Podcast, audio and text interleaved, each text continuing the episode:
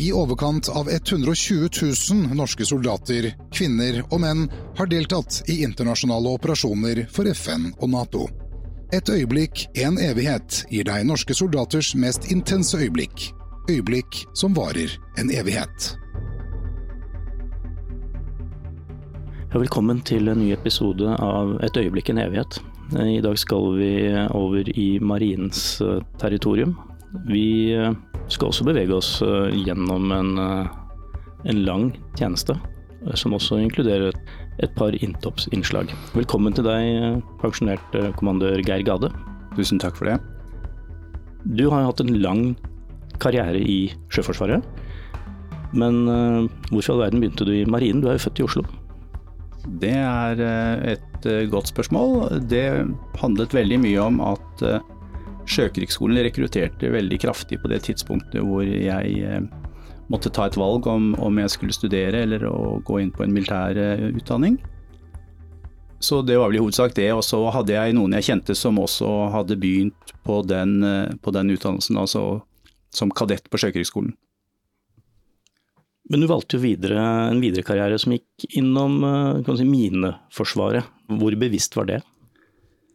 Jeg tror at eh, i hvert fall for mitt vedkommende så har lite vært eh, bevisst fra starten av. Det har vært ny kunnskap, gir, gir nye interesser og etter hvert som man lærte organisasjonen å kjenne, og seg selv ikke minst å kjenne, så, så valgte man ting litt også der og da, basert på de mulighetene som åpnet seg. For Du fortalte meg tidligere at du tok uh, bl.a. minerdykkerutdannelse i England? Ja, jeg fikk lov å velge tjeneste på, på minijaktfartøyet KNM Tana. Og det var et løp uh, som innebar at man måtte da kvalifisere seg som minedykker først, og eh, deretter tjenestegjøre eh, som minedykkeroffiser på, på fartøyet, og slik opplegget var, så ble man også da tidlig nestkommanderende og sjef på det samme fartøyet. Ja, så du hadde veldig mye av din tidligere karriere på, på den samme båten? Det stemmer, og, og det var et nokså unikt eh, tjenestested eh, som ble drevet som et selvstendig fartøy. En selvstendig kommando direkte underlagt sjøkommandøren. Og, og hvor, vi, hvor, vi, var med på mange spennende Nato-øvelser, og hvor vi var alltid en av, en av Natos beste mineryddere. Den tjenesten som du hadde fram til du ble så eh, høyt opp i graden at du ble satt bak en pult, fram til da så hadde jo du et, eh, ja, som du sier, et fritt og selvstendig liv i Sjøforsvaret? Ja, altså det, det gikk jo eh, veldig basert på at man skulle tjenestegjøre i forskjellige eh, deler av eh, det operative miljøet som jeg som operativ offiser skulle kjenne til for å kunne da ta jobber som skipssjef. Så jeg gikk gradene om bord eh, på KNM Tana, og så var jeg en kort periode nestkommanderende på en minesveiper, KNM Utla. For deretter å bli skipssjef på Tana, og deretter igjen skipssjef på en båt som het KNM Tista, og nestkommanderende da i første minerydderskvadron. Ja, for minerydding var jo et satsingsområde, eh, er jo det, men eh, var i hvert fall det da du opererte? Ja, så vi hadde jo disse ti Sauda-klasse minerydderne, eh, som hvorav eh, fire eller fem seilte i en skvadron. Én var normalt eh, målfartøy for ubåtene våre, og, og, så hadde vi KNM Tana. Så ofte så hadde vi seks av de operative på en gang, og det, det var eh, flotte fartøyer å, å tjenestegjøre i. Du ble jo, kan vi kalle det operativ, i en periode en god stund etter annen verdenskrig, men hvor man fortsatt levde i etterdønningene av det som uh, utspant seg da under, under, den krigen. Hadde du noe forhold til de som gikk foran oss, de altså, nasjonale helter som Gunnar Sønsteby etc.? Ja, jeg, jeg fikk nokså tidlig et, en interesse for, uh, for hjemmefronten. Faren min var med i hjemmefronten. Og jeg begynte jo, vokste opp i Skien og begynte i ungdomsheimevernet i, i, i, Skien som frivillig, og, og fikk lov å, å ta, ta lagførerkurs, sommer og vinter som det het, på Heistadmoen, IR3. Og vi hadde mange samlinger inne på Hardangervidda hvor bl.a. disse heltene fra Rjukan-operasjonene kom og fortalte om sine bedrifter. Så du hadde grunnlaget for militær, et militært liv, da, for å si det sånn? Ja, kanskje. Det var jo litt unlikely fordi at, eh, at besteforeldrene mine på, faktisk på begge sider var hvalfangere fra Sandefjord. Så du kunne like gjerne valgt en uh, handels- eller uh, hvalfangerkarriere? Ja, det kan du si. Eh, det var jo slutt da, da jeg var på dette tidspunktet. Og det var vel heller ikke så åpenbart at det var like spennende å begynne i handelsflåten. Men for meg som ikke var spesielt akademisk anlagt, så hadde Forsvaret faktisk det beste tilbudet. Du fortalte også at etter hvert så ble du overført til, uh, til staben på Huseby. Og det var jo en, sikkert en, en, helt annen virkelighet. Jeg syns at jeg gledet meg veldig til å begynne å jobbe i Sjøforsvarsstaben høsten 1985, men ble veldig fort sittende med rutinearbeid og fant det vel nokså nok så lite utfordrende etter å ha vært skipssjef i flere år. Så jeg ble veldig godt fornøyd da jeg en, en tidlig morgen fant admiral Eikanger på kontoret mitt, og med en forespørsel om jeg kunne tenke meg noe helt annet å gjøre. Og da var du ute på sjøen igjen? Nei, det var innendørs uh, Ja, for du hadde jobb. byttet karriere over i mer, eh, skal vi kalle det etterretningsøyemed? Ja, det, det, medførte at jeg fikk en adresse i hånda nede på Grønland torg, som hvor jeg skulle møte. Jeg brukte en halv formiddag på å finne ut hvordan jeg skulle komme inn og, og melde meg. Og det er jo en historie som er kjent for mange som har jobbet eh, med Etterretningstjenesten. Men, men jeg begynte i Etterretningsstaben eh, tidlig i januar 1986 eh, og, og holdt på der fram til etter at jeg hadde gått, gått stabsskolen, stabsskole 2, i, i 1991.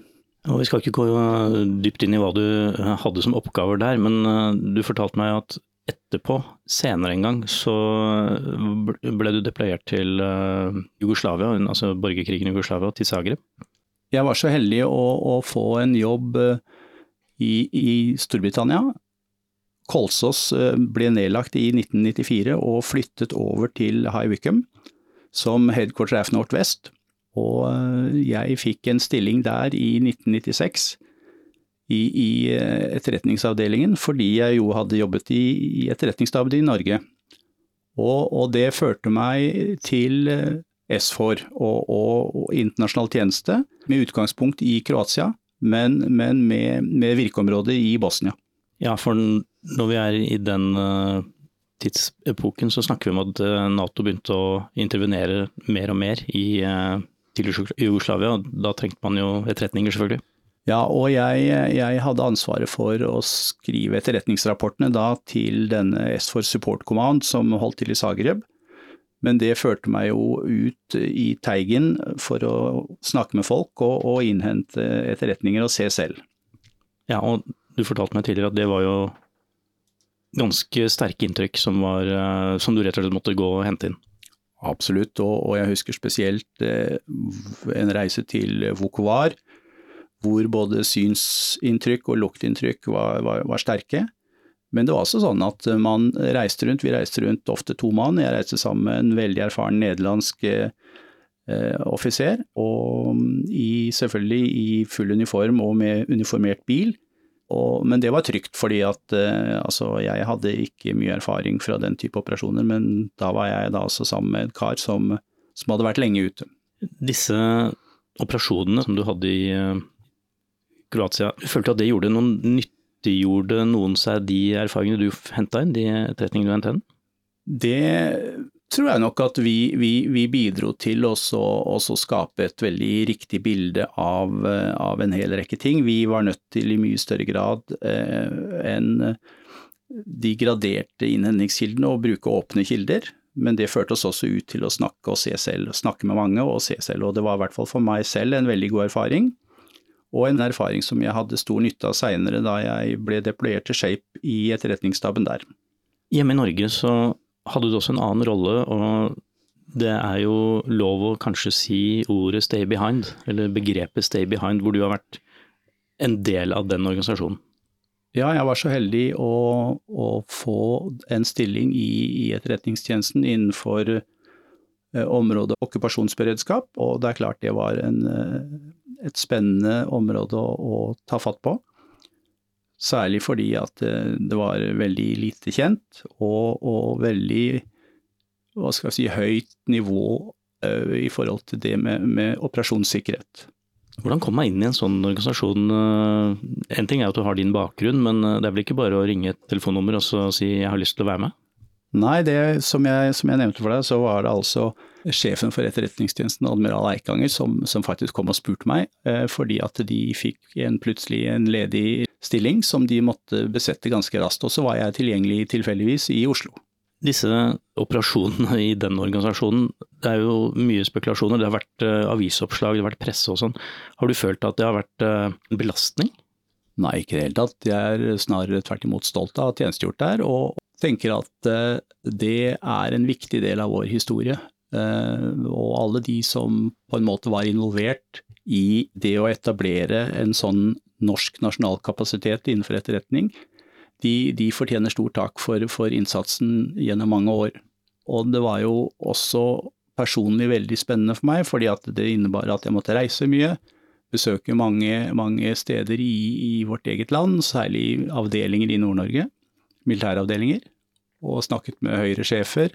Jeg drev med planlegging av øvelser, og hadde også stor glede av å bli kjent med motstandsmannen Gunnar Skjønsteby, som, som uh, var involvert i mye av det som vi eh, holdt på med, og, og, som satt på kunnskap som ikke var gått ut på dato. Ja, for Gunnar var jo aktiv veldig mye lenger enn kanskje mange kan tenke seg. Ja, og han, han var alltid like entusiastisk når man spurte om hjelp for å, å, enten å få han til å si litt om sine erfaringer fra krigen, eller komme med råd uh, om det ene eller det andre som var knyttet til faget etterretning. Vil du si at du kunne bruke Gunnar som en, eh, nesten som en mentor? Absolutt, og det gjorde vi også, og, og, han var alltid villig til å gi råd. Nå er jo du pensjonert og har, har kanskje en større mulighet til å være åpen. Er det fortsatt sånn at disse tjenestene og disse operasjonene, at det er veldig viktig å holde de helt lukket, eller burde vi følge tiden og åpne mer opp? Jeg tror at uh, det vi ser utspinne seg i Ukraina, tilsier at vi ikke skal åpne opp. Eh, jeg tror at dette er en kapasitet som helt åpenbart ikke har gått ut på dato. Og hvis vi skal ha en kapasitet som okkupasjonsberedskap, så må vi faktisk også gjøre det på ordentlig, og det betyr at vi må ha operasjonssikkerhet som gjør at det vil være mulig å, å, å få resultater av det vi prøver på. Ja, Du kom inn på Ukraina, og når vi spiller inn dette her sånn, så har krigen i Ukraina vart i nøyaktig 100 dager. Og det vi ser er jo at Russland, som da med sine enorme ressurser ikke har lykkes initielt med det de var ute etter, og de rykker saktere og saktere fram enn det kanskje mange hadde trodd for 100 dager siden. Og det sier jo litt om den ukrainske forsvarsviljen. Hvordan tror du den norske forsvarsviljen er i dag, og hvordan, eh, hvordan, kan vi bygge opp den til å ha de samme dimensjonene som vi er avhengig av for å kunne stå imot et eventuelt angrep? Det er ikke så lett å spå om det, men eh, tradisjonelt så står eh, Forsvaret høyt i folks bevissthet i Norge. Jeg er nok litt bekymret for, for hvordan politikerne ser på Nord-Norge spesielt, og særlig Øst-Finnmark, hvor man nok sannsynligvis ikke satser tilstrekkelig på at det skal være en tilfreds befolkning i Øst-Finnmark. Det er viktig at de føler lojalitet til at de føler at de er en del av hele landet, og at de ikke er glemt i lys av det vi har sett i Ukraina, så er det jo særlig Finnmark fylke, jeg ville tenke bort til Nordkapp omtrent, som er utsatt pga. sin geografiske beliggenhet i forhold til naboskap med Russland. Så du mener at der burde vi sette inn mer ressurser, både militært selvfølgelig, men også mer på det sivilt-sosiale? Absolutt det siste. Altså Det militære det, det er eh, hardware, og alle vet hva, hva som kreves der men å sørge for at vi har en, en befolkning i, i, Finnmark, og særlig Øst-Finnmark, som virkelig føler at de er en del av Norge og ønsker å være en del av Norge, det er kjempeviktig. Litt tilbake til din tjeneste i marinen på minesveiper. Er det noe du savner, er det, eller er det langt tilbake i glemselen? Nei, ikke på noen måte. Jeg har jo hatt eh, gleden av å, å, ta aktiv del i bevaringen av eh, minerydderen M314 Alta, Eh, og har de siste årene også vært eh, leder av Venneforeningen, som tar på seg å bevare fartøyet. Og har også ved flere anledninger fått lov å være skipssjef. Og du får litt følelsen av at det er litt det samme som å lære å sykle. Altså Selv om du har vært borte fra det å seile en båt som Alta da, i 20 år, så kommer du om bord, og så kommer alt tilbake til deg, og du kan gå på bro og bare gi de samme ordrene som du husker fra, fra din tid som skipssjef den gangen du var i aktiv tjeneste. Så du er så privilegert at du får lov å gjenoppleve de gylne dagene, for å si det sånn?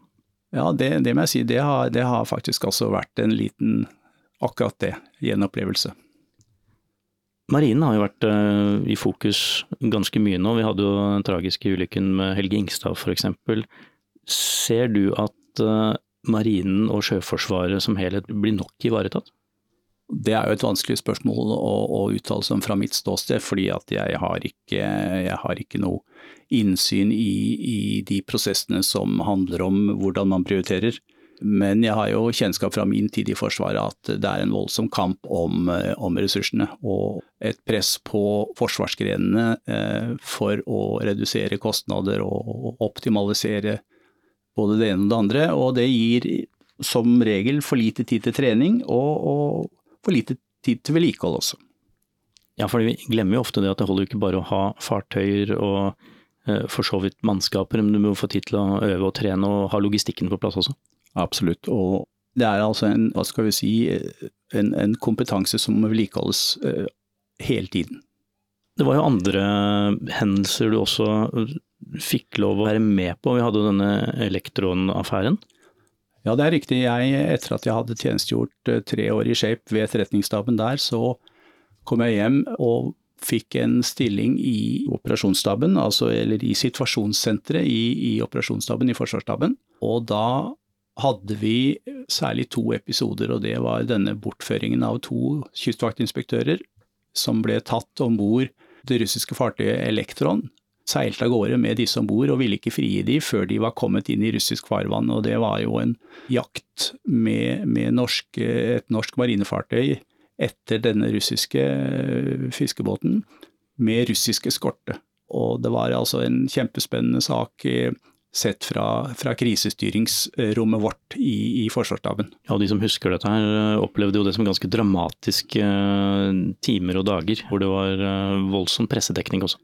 Det var et voldsomt press, og det var altså voldsom aktivitet i, i, i Forsvaret. Omtrent på samme tiden, ikke veldig lenge etter, så hadde vi jo dette angrepet på banken i Meimane. Så vidt jeg husker så var det i februar 2006, og og det var også en del av det, eh, de erfaringene jeg fikk med meg pga. tjenesten da i situasjonsrommet. Og jeg husker at eh, vi hadde en veldig dyktig sjef, Obert eh, Hannestad, som kjørte disse styringsrommet vårt på en veldig profesjonell og god måte. Men det, det var altså til de grader spennende, og det så lenge ut til at det kunne gå forferdelig galt. Ja, fordi den historien er jo kjent fra mange vinkler, men kanskje ikke fra hjernen og hjertet, altså operasjonsstaben og situasjonsrommet. Hvordan var stemningen da? Når, når, altså norske soldater er jo et voldsomt angrep. Så stemningen var, var, til å ta og føle på, absolutt. Eh, det var eh, fullstendig åpent hvor om det skulle gå veldig galt, eller om de skulle klare å holde og forsvare seg til, til de fikk hjelp. Heldigvis gikk det ikke fullstendig galt, men, eh, men, det må ha vært en mye høy puls eh, rundt omkring i eh, disse ledelsesorganene. Det var det absolutt. Men igjen så var det veldig profesjonelt håndtert av, av situasjonsrommet og av forsvarssjefen.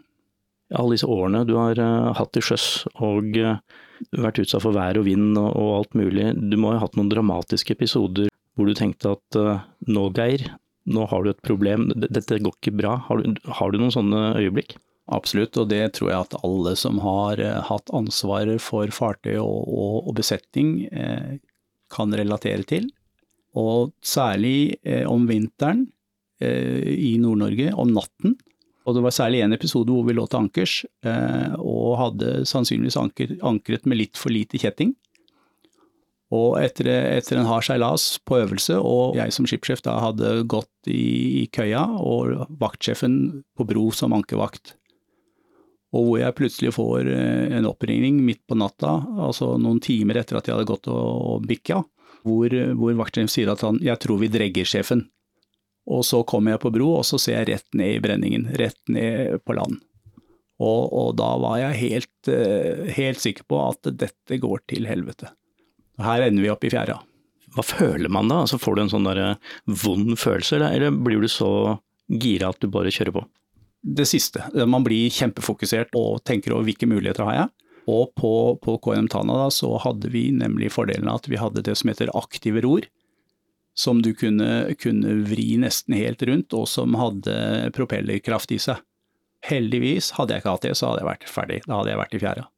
Da klarte vi å dra oss rundt, og ikke vet jeg hvorfor vi kom oss rundt uten å treffe noe, men det gjorde vi, og, og det gikk heldigvis bra.